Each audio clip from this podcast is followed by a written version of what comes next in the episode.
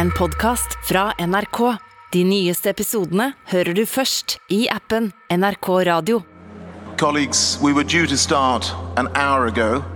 Forhandlingene på klimatoppmøtet i Glasgow var et døgn på overtid. Could I please request if colleagues would take their seats? Og det meste tydet på at så godt som alle verdens land var enige om veien videre mot et utslippsfritt samfunn. Uh, Men så ba plutselig Indias klima- og miljøminister om ordet. India, uh, you have the floor. Og det var spesielt ett ord han ville bytte på.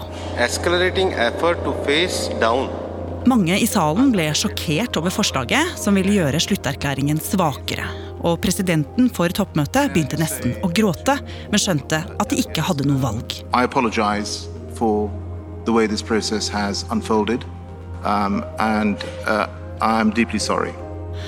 Hva skjedde egentlig i kulissene før klimaavtalen ble endret helt i siste liten?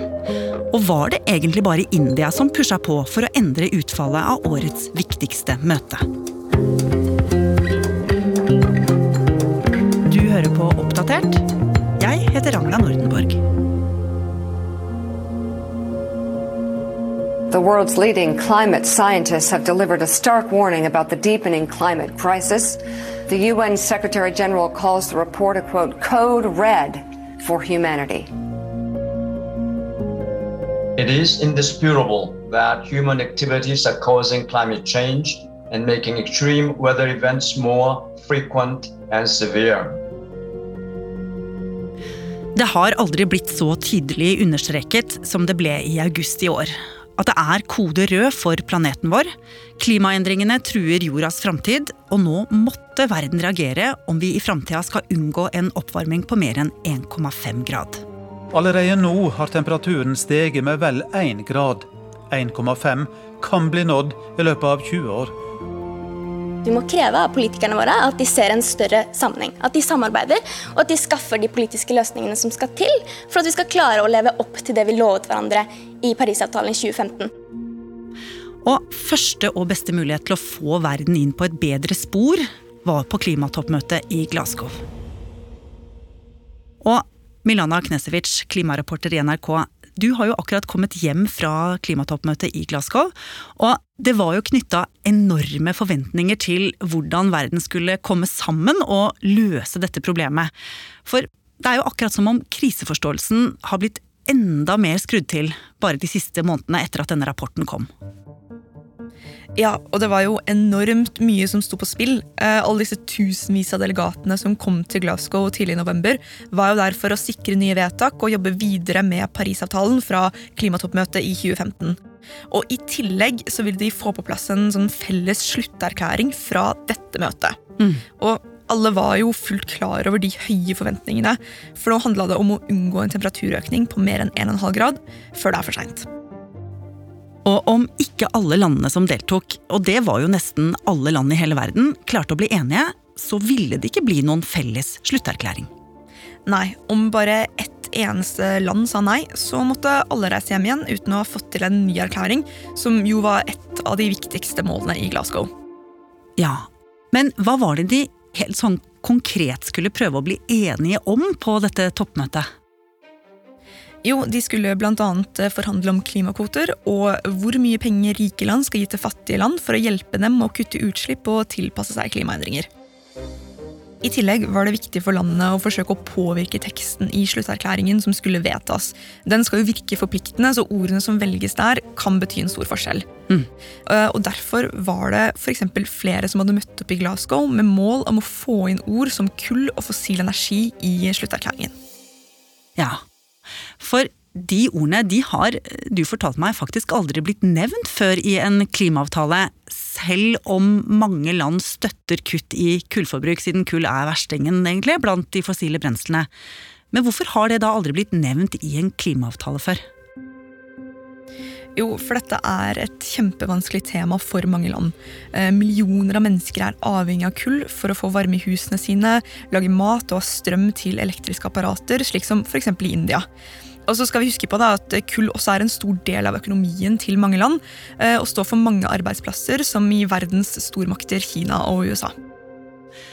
Og i forkant av møtet så var jo alle øyne spesielt rettet mot stormaktene som forurenser mest, sånn som USA og Kina. Ja, De har jo mest penger, mest makt, flest allierte, så uten dem så blir det ingen slagkraftige klimaavtaler. Men de har veldig ulike behov og sterke viljer, eh, og i mange tiår har jo stormaktene slitt med å samarbeide, og til tider så har de jo knapt snakka sammen. Og så var det hele i gang. Ja, og de neste dagene så, så vi den ene toppolitikeren etter den andre gå opp på scenen og bruke store ord om at verden var i krise. Humanity has long since run down the clock on climate change. It's one minute to midnight on that doomsday clock, and we need to act now. We can keep the goal of limiting global warming to just 1.5 degrees Celsius within our reach if we come together, if we commit to doing our part of each of our nations with determination and with ambition. og demonstranter sto utenfor og ropte slagord. Groups of demonstrators were pursued by police officers at pace. It is not a secret that COP26 is a failure. This is no longer a climate conference. This is now a global North Greenwash Festival. a two week long celebration of business as usual and blah, blah, blah. Og Forhandlere gikk fra møte til møte inn i dette gigantiske kongressenteret, og det var et virvar av aktivitet. Og det jeg la merke til, var jo at de største landene også hadde de største delegasjonene. Så du kunne se masse kinesere, amerikanere og indere løpe rundt fra møte til møte og forhandle på vegne av deres land. Og eh, Milana, hva var det de snakka om, vet du det? Akkurat hva de snakka om rundt disse bordene og inne i møterommene, det fikk ikke vi journalister vite. Men vi så jo at representantene fra forskjellige land begynte å finne andre som var enige med dem og lagde allianser. Eh, og for eksempel eh, kunne jeg se at Norge støttet innlegg fra EU. Men vi vet jo noe. Eh, F.eks. at fattige land sto sammen om å kreve at de rikeste landene måtte ta en større del av regninga for klimatilpasningen. Ja, og et annet virkelig hett tema, det var jo dette med bruken av fossil energi, og da spesielt kull. Ja, eh, I starten så var det lite som tydet på at fossil energi og kull ville bli nevnt i det hele tatt i disse dokumentene som skulle vedtas. Men på onsdag så dukket det opp eh, formuleringer om dette i et utkast til en slutterklæring. Det som sto der, var at kull skal fases ut. Dette var veldig overraskende, og vi lurte jo på om, om disse formuleringene ville overleve til slutten av forhandlingene. Eh, og det var da spesielt interessant hva Kina og USA tenkte om dette. Og samme kveld, bare noen dager før møtet skulle avsluttes, kom det en litt overraskende nyhet som ga håp for de som ville ha dette inn i slutteksten. De to landene som slipper ut mest klimagasser, har inngått en avtale om å gire opp sin klimainnsats. Kina og USA offentliggjorde i går kveld at de forplikter seg til å komme med klare tiltak i løpet av de neste fire årene. Kina og USA kalte inn til en pressekonferanse der de sa at de skal samarbeide om å gjennomføre Parisavtalen. Og dette hadde jo ikke noe direkte sammenheng med selve klimatoppmøtet i Glasgow å gjøre, men at de mektige landene ville samarbeide, var likevel interessant for eh, alle på klimatoppmøtet. Ja, og hvorfor det? Eh, for det første så var det jo mange som syntes at det var veldig lovende at Kina og USA hadde snakket sammen, siden disse to stormaktene har hatt et veldig dårlig forhold de siste årene. Og selv om det ikke var så mye konkret innhold, så ble faktisk kull nevnt. Eh, Kina skal trappe ned bruken av kull de neste 15 årene, og ordene som sto i avtalen, var at bruken av kull skal fases ned. Men selv om avtalen mellom Kina og USA var noe vag, så skapte den altså likevel økte forhåpninger om at klimatoppmøtet skulle ende med en slutterklæring alle verdens land kunne bli med på. Og nå begynte jo mange for alvor å tro på en slutterklæring som oppfordra til utfasing av kull som energikilde. Ja, eh, Forhandlingene fortsatte jo gjennom uka, og da det kom et nytt utkast på fredag, bare timer før fristen for toppmøtet egentlig gikk ut, ble jeg og mange andre overrasket over at det fortsatt sto at eh, kull skulle fases ut. Det var jo en litt svekket tekst, for det hadde kommet eh, inn en presisjon om at det kullet som skulle fases ut, var kull uten karbonrensing. Men kull var fortsatt nevnt. Ja, og her hjemme gikk jo Naturvernforbundet ut i VG og kalte det helt enormt positivt. Og nå gjensto det bare å få på plass noen detaljer. Så selv om tidsfristen gikk ut fredag kveld, så var det fortsatt stor forhåpning om at landene skulle komme til enighet utpå lørdagen. Men da lørdagen kom, så gikk ikke alt etter planen, Milana. Nei. Istedenfor å banke gjennom avtalen ble folk gående rundt i salen og de forhandlet med hverandre. Eh, det var tydelig at partene ikke var helt eh, ferdig snakka. Og slik holdt de på i en time før presidenten for møtet, Alok Sharma, ba alle om å sette seg ned, men eh, de brydde seg ikke om det han sa. Isteden fortsatte de å gå rundt, og en av dem man kunne se var ekstra aktiv, var den amerikanske klimautsendingen John Kerry. Og plutselig så gikk amerikanerne ut av salen sammen med sine kollegaer fra Kina og India. Altså, de bare forlot salen, rett og slett? Og de ble borte i en halvtime. Og det er ganske uvanlig når det er helt i sluttspurten av mange dager med forhandlinger, der alle verdens land skal være involvert. Og da de tre stormaktene var tilbake i salen, så ville Alok Sharma sette punktum for det hele og få enighet om det som lå på bordet. All right, colleagues, I uh, apologize for the delay. Uh, we are ready to get started. Men da skjedde det noe ingen av oss så komme. I see China is seeking an intervention. I invite China to take the floor. Først så tok Kina ordet, eh, og de snakket egentlig ganske generelt om ulike temaer. Men så viste de plutselig til avtalen de hadde gjort med USA noen dager tidligere. Og sa at de helst skulle sett at man brukte samme språket som i denne avtalen med USA. Og da begynte jeg virkelig å lure på hva Kina egentlig ville frem til her. For vi visste jo at i den avtalen så sto det at kullbruken skal fases ned, ikke fases ut. Thank you, uh, China. I see India wishes to take the floor. India, uh, you have the floor. Og så tok India ordet, og da ble det jo enda tydeligere hva som var i ferd med å skje. Thank you very much. Ja, eh, de var helt tydelige på hva de ønsket. De krevde en endring i teksten, slik at det sto at bruken av kull skal fases ned istedenfor å fases ut. Including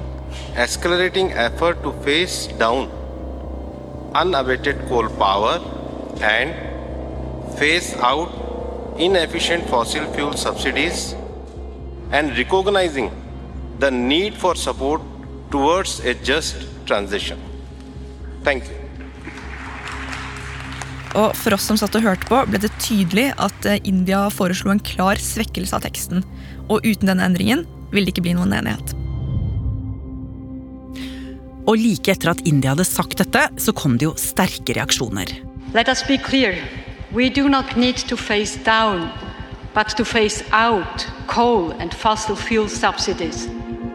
Land etter land tok ordet, lente seg fram mot mikrofonen og brukte ord som i diplomatisk sammenheng er ganske sterke. The longer you take to get rid of coal, the more burden you put on a natural environment, but also the more burden you put on your economy. Nå sto landet midt oppi et dilemma. De måtte enten si ja til å gå med på at det skulle stå fases ned istedenfor fases ut, eller risikere at India, med støtte fra Kina, trakk seg fra hele greia, og at de sto igjen uten en enighet. Så man kan nesten si at landet var satt i en slags gisselsituasjon. Ja, For at denne endringen kom helt i siste liten, det var det veldig mange som eh, stussa over. Ja. Liechtenstein is deeply disappointed that this COP26 was not held as a fully inclusive and transparent process. We believe we have been sidelined in a non-transparent and non-inclusive process. Flere land følte seg tilsidesatt og reagerte på at noen tilsynelatende hadde snakket på bakrommet. De hadde egentlig ikke lyst til å godta endringene, men de skjønte nok at India ikke ville bli med på helheten uten at denne formuleringen om kull og fossil ble endra. We accept this change with the greatest reluctance. We do so only, and I really want to stress, only, because there are critical elements of this package that people in my country need as a lifeline for their future. Og etter alt dette kaoset og kritikken, så tok endelig presidenten for møtet, Alok Sharma, ordet. Og han beklaga rett og slett denne helomvendingen. I apologize for the way this process has unfolded, um, and uh, I'm deeply sorry. Og nå kunne hele salen se at han var blank i øynene og forsøkte å holde tårene unna. Men til slutt ba likevel Sharma alle landene om å godta de nye endringene. I also understand the, the deep disappointment. But I think, as you have noted, it's also vital that we um, protect this package.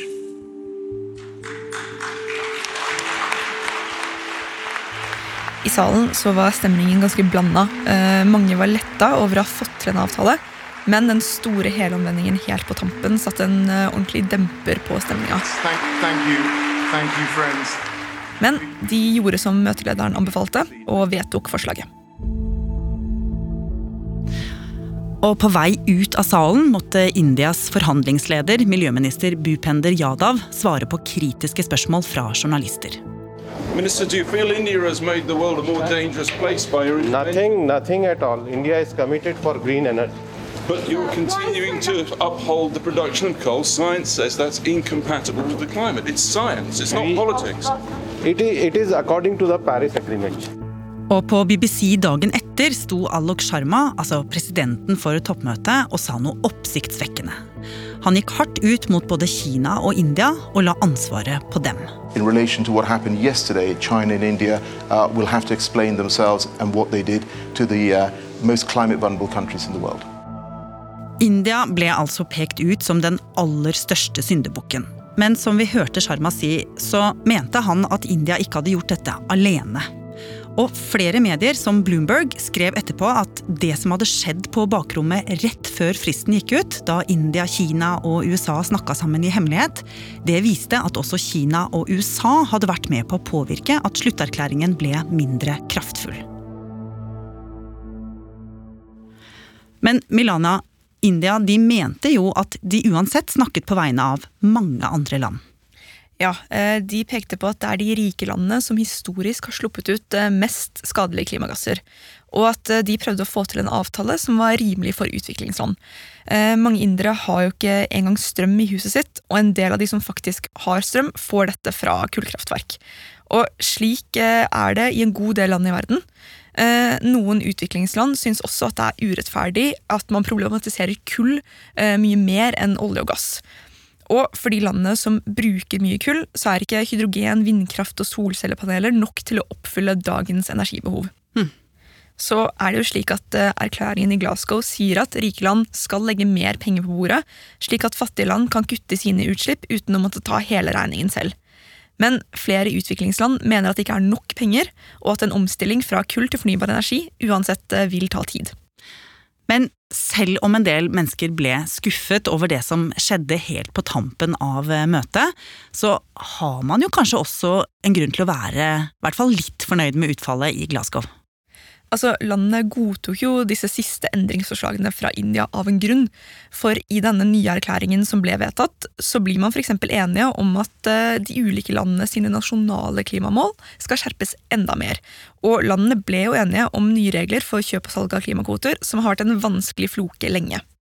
Og selv om møtet ble avsluttet på dramatisk vis, så er det jo faktisk første gang i historien at ord som fossil energi og kull blir nevnt i et dokument som dette.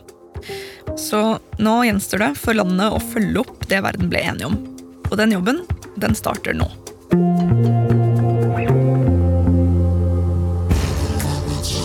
Hele Norge kryssforhører, etterforsker, analyserer og avslører bløff.